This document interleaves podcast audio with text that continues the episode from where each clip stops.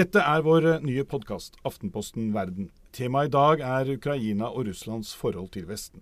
I tillegg skal vi på slutten av programmet løfte litt på sløret og gi dere et innblikk i dagliglivet til en korrespondent i den russiske hovedstaden. Med oss har vi nylig hjemvendt korrespondent fra Russland, Steinar Dyrnes, og mannen som nærmest er helt blodfersk i den russiske hovedstaden, Per Anders Johansen.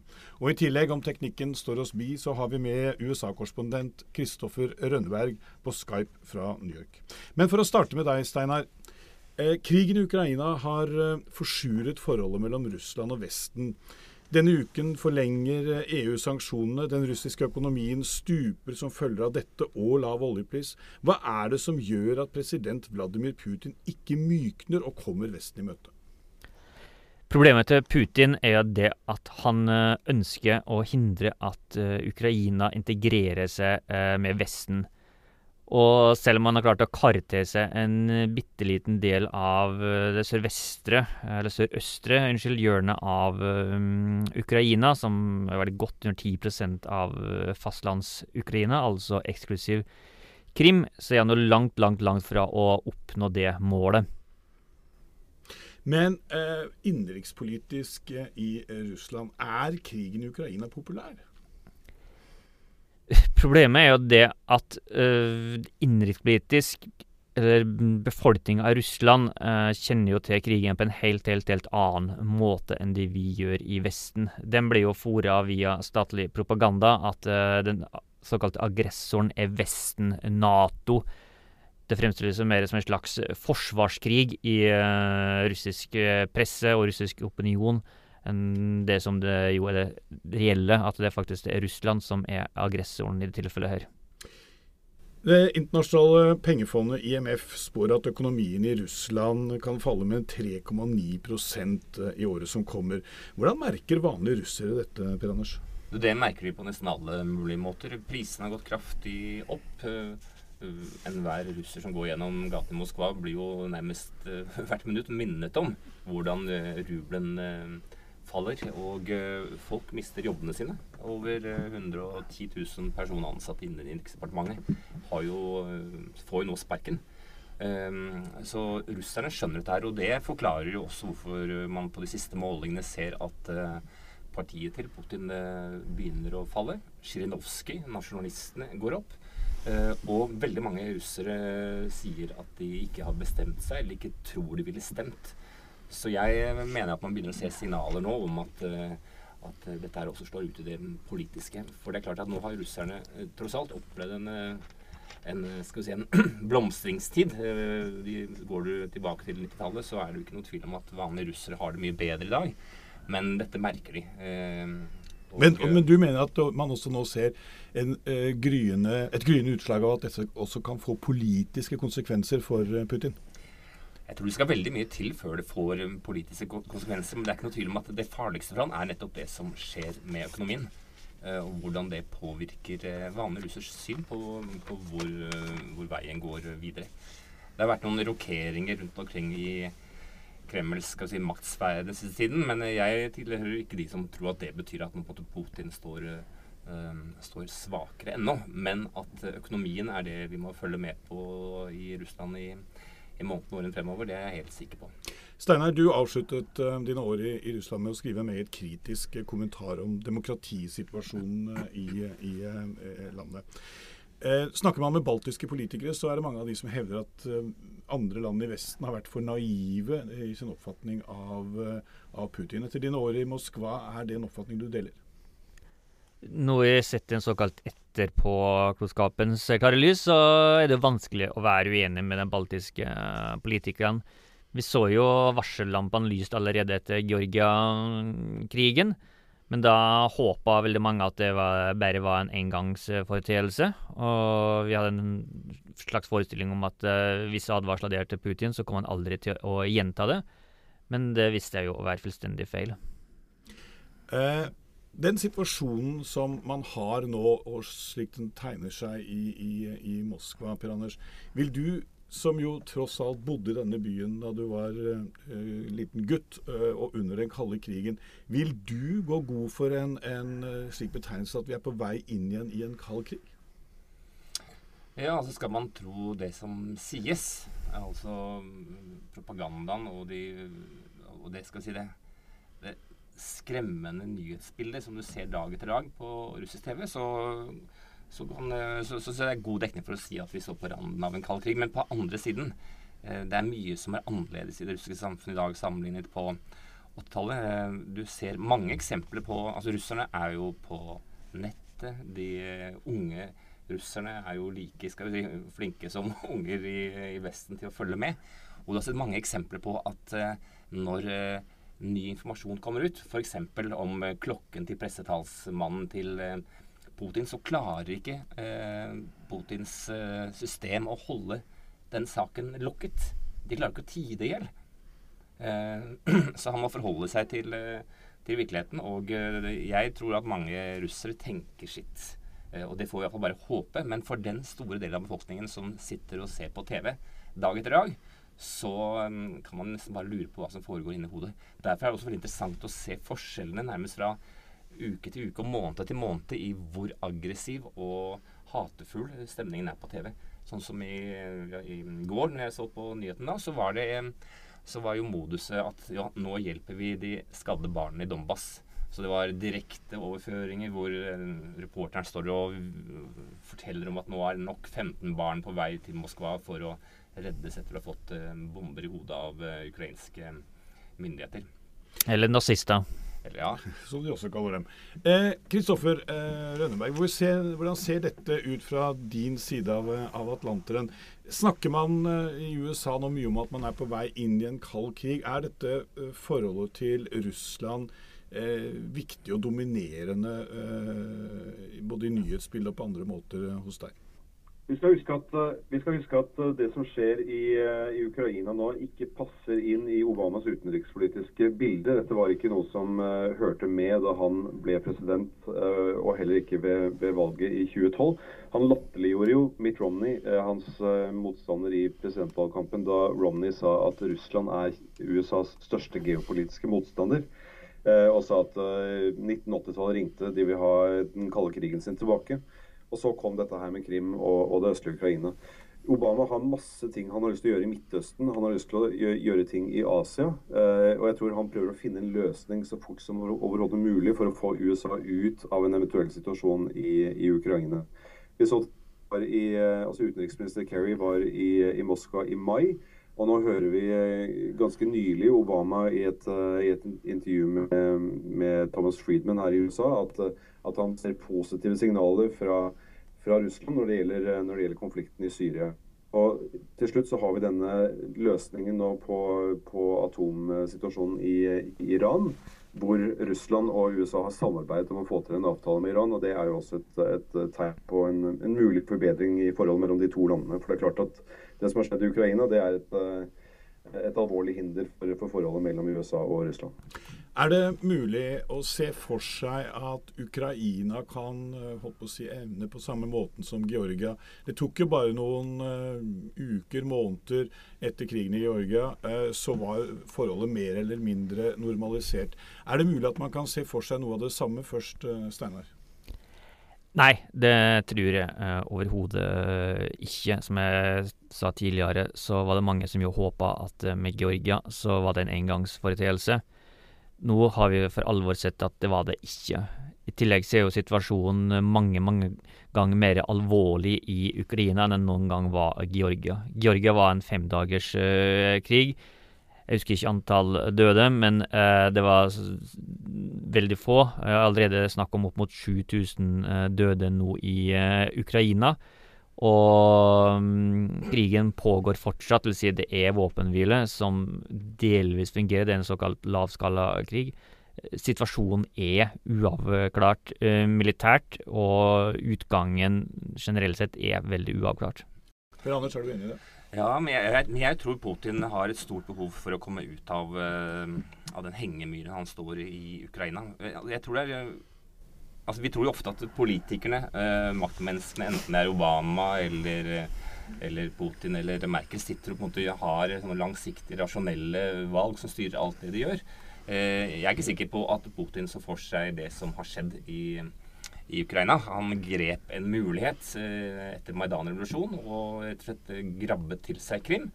Eh, det som skjedde i Øst-Ukraina er mye mer alvorlig på mange måter, fordi at eh, det er rent så mye blod. Det er, det er nå så mye hat på begge sider. Selling a little or a lot? Shopify helps you do your thing however you cha-ching. Shopify is the global commerce platform that helps you sell at every stage of your business. From the launch your online shop stage to the first real life store stage, all the way to the did we just hit a million orders stage. Shopify is there to help you grow. Shopify helps you turn browsers into buyers with the internet's best converting checkout. 36% better on average compared to other leading commerce platforms because businesses that grow grow with Shopify. Get a $1 per month trial period at shopify.com/work. shopify.com/work. Introducing Wondersuite from Bluehost.com. Website creation is hard, but now with Bluehost, you can answer a few simple questions about your business and get a unique WordPress website or store right away. From there, you can customize your design, colors, and content. And Bluehost automatically helps you get found in search engines like Google and Bing. From step-by-step guidance to suggested plugins, Bluehost makes WordPress wonderful for everyone. Go to bluehost.com/wondersuite.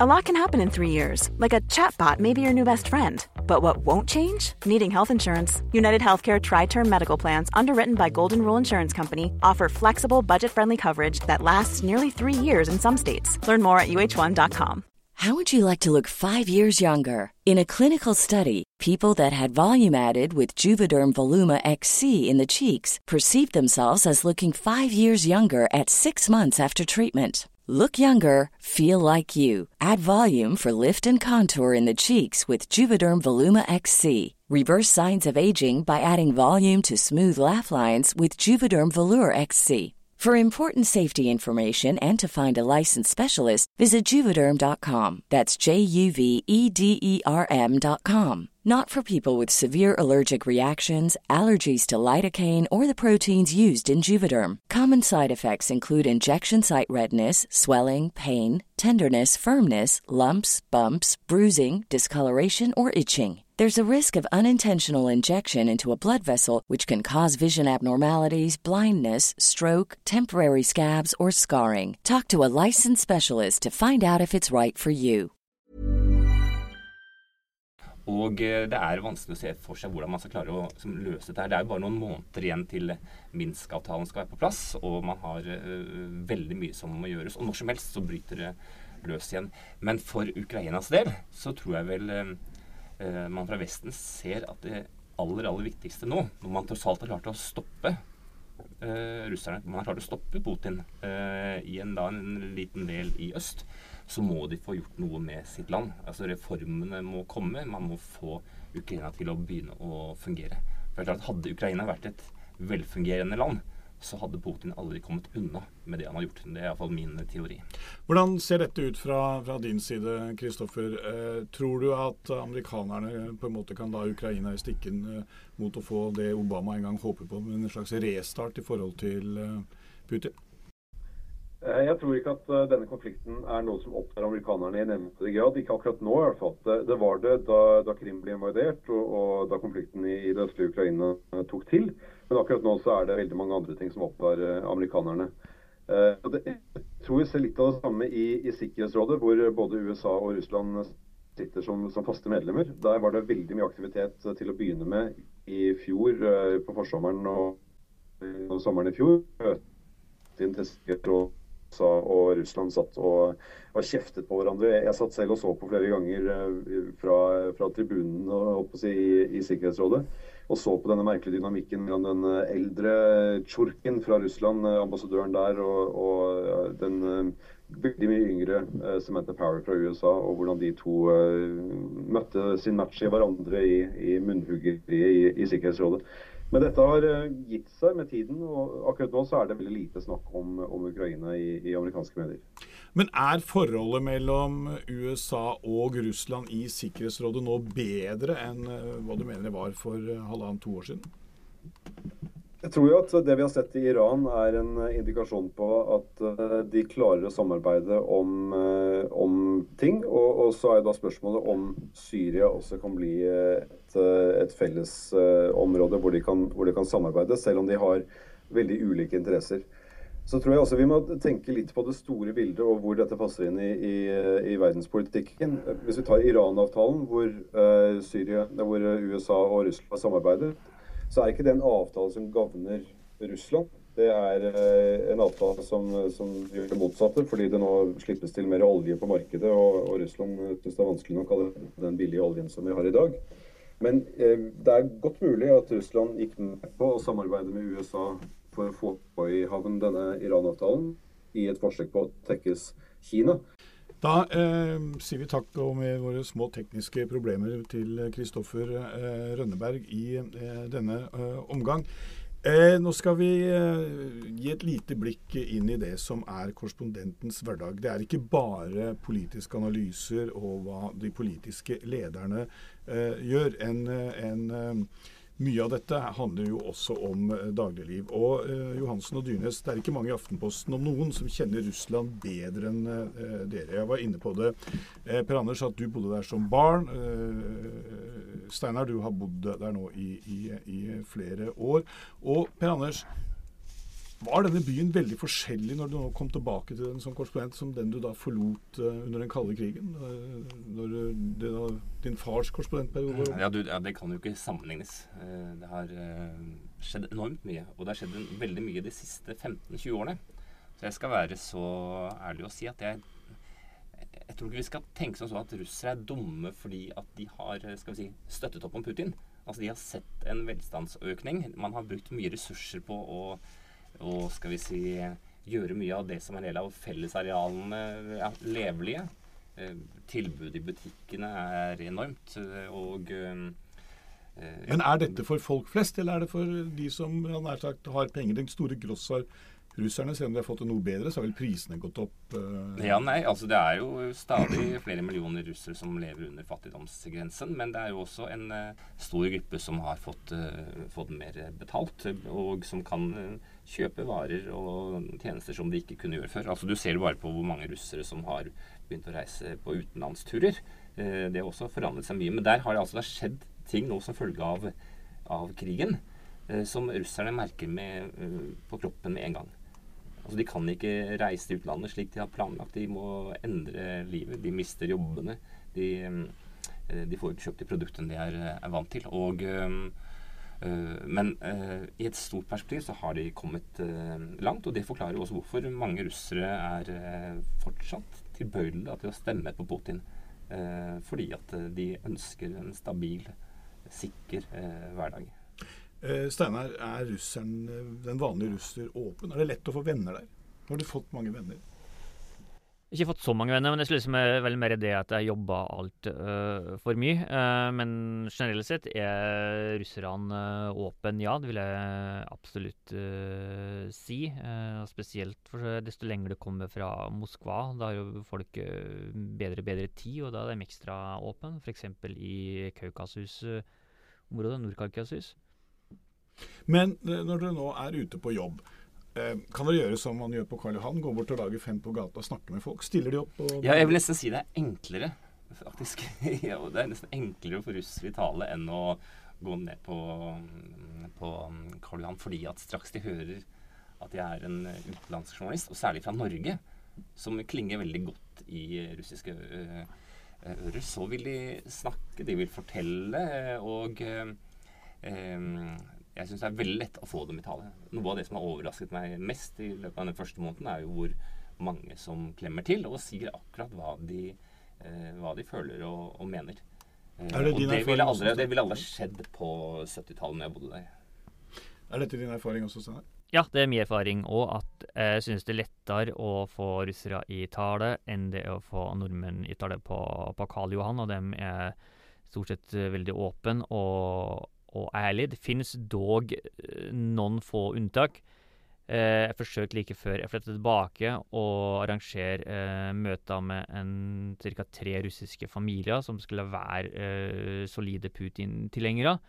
Det klarte vi ikke å få til, til tross for flere dagers jobbing. Da ønska vi å invitere oss hjem til dem, og la dem stå fremme som da eh, litt, litt forenkla die hard Putin-fans, men det fikk vi ikke til. Eh, jeg kan nå legge til at uh, i det siste så har det vært en viss holdningsendring uh, mot utenlandske journalister. Det har kommet uh, enkelte mishagsytringer når du snakker med folk, som sier at 'nei, det vil vi snakke med', for du forvrenger alt vi sier uansett. Det skjedde aldri for, for fire år siden, men det har nå begynt å skje. Men det er som med russere, som med andre mennesker også. ikke sant? Man får jo mer, mye mer når man snakker eh, på bak eh, Altså off record eller eh, på parken på benken enn når du setter på mikrofonen eller kamera. Sånn er det jo. Men eh, selv korrespondenter lever jo ikke bare av nyheter eh, aleine. Det russiske kjøkken er jo, er jo kjent eh, hva, hva spiser du der? Går det på McDonald's, eller går det på russiske jeg går restauranter? mange steder. Nå har jo Steinar anbefalt meg mange gode restauranter i nabolaget. Men jeg liker jo å lage litt mat hjemme også, så jeg prøver å Men hva er, det, hva, det hva er det men, eh, russiske livretten? Nei, altså du, I Moskva har du jo en helt fantastisk flora av forskjellige restauranter og forskjellige typer eh, kjøkkener. Jeg er jo veldig glad i det georgiske kjøkkenet. Eh, de, de deilige kalde suppene nå når det er varmt, ikke sant? av enten tomat eller agurker. Eh, jeg har fått mye bra fisk, og det har overrasket meg. I Moskva. Eh, I Moskva. Eh, Sushien har jeg hatt en del uheldige opplevelser med. Eh, der tror jeg det er mange, mange flere enn meg som savner den norske laksen. Og du, Steinar, hva, hva, hva- ble din favoritt i det russiske kjøkkenet i årene der borte? Sjasjlyk. Det vil det? Er georgisk eh, grillspyd, eh, og nødt å spise det eh, sammen med det georgiske ostebrødet, hachapuri, som er helt fantastisk. Og generelt sett, så når det er snakk om det russiske kjøkkenet isolert sett, syns jeg ikke er så veldig, veldig bra. Eh, men i Moskva og i store deler ellers rundt omkring i Russland, så er det slik at på hvert gatehjørne så finnes det enten en georgisk restaurant eller en usbekisk eh, restaurant. Og det er uten unntak en veldig, veldig behagelig opplevelse å gå på georgisk eller usbekisk restaurant.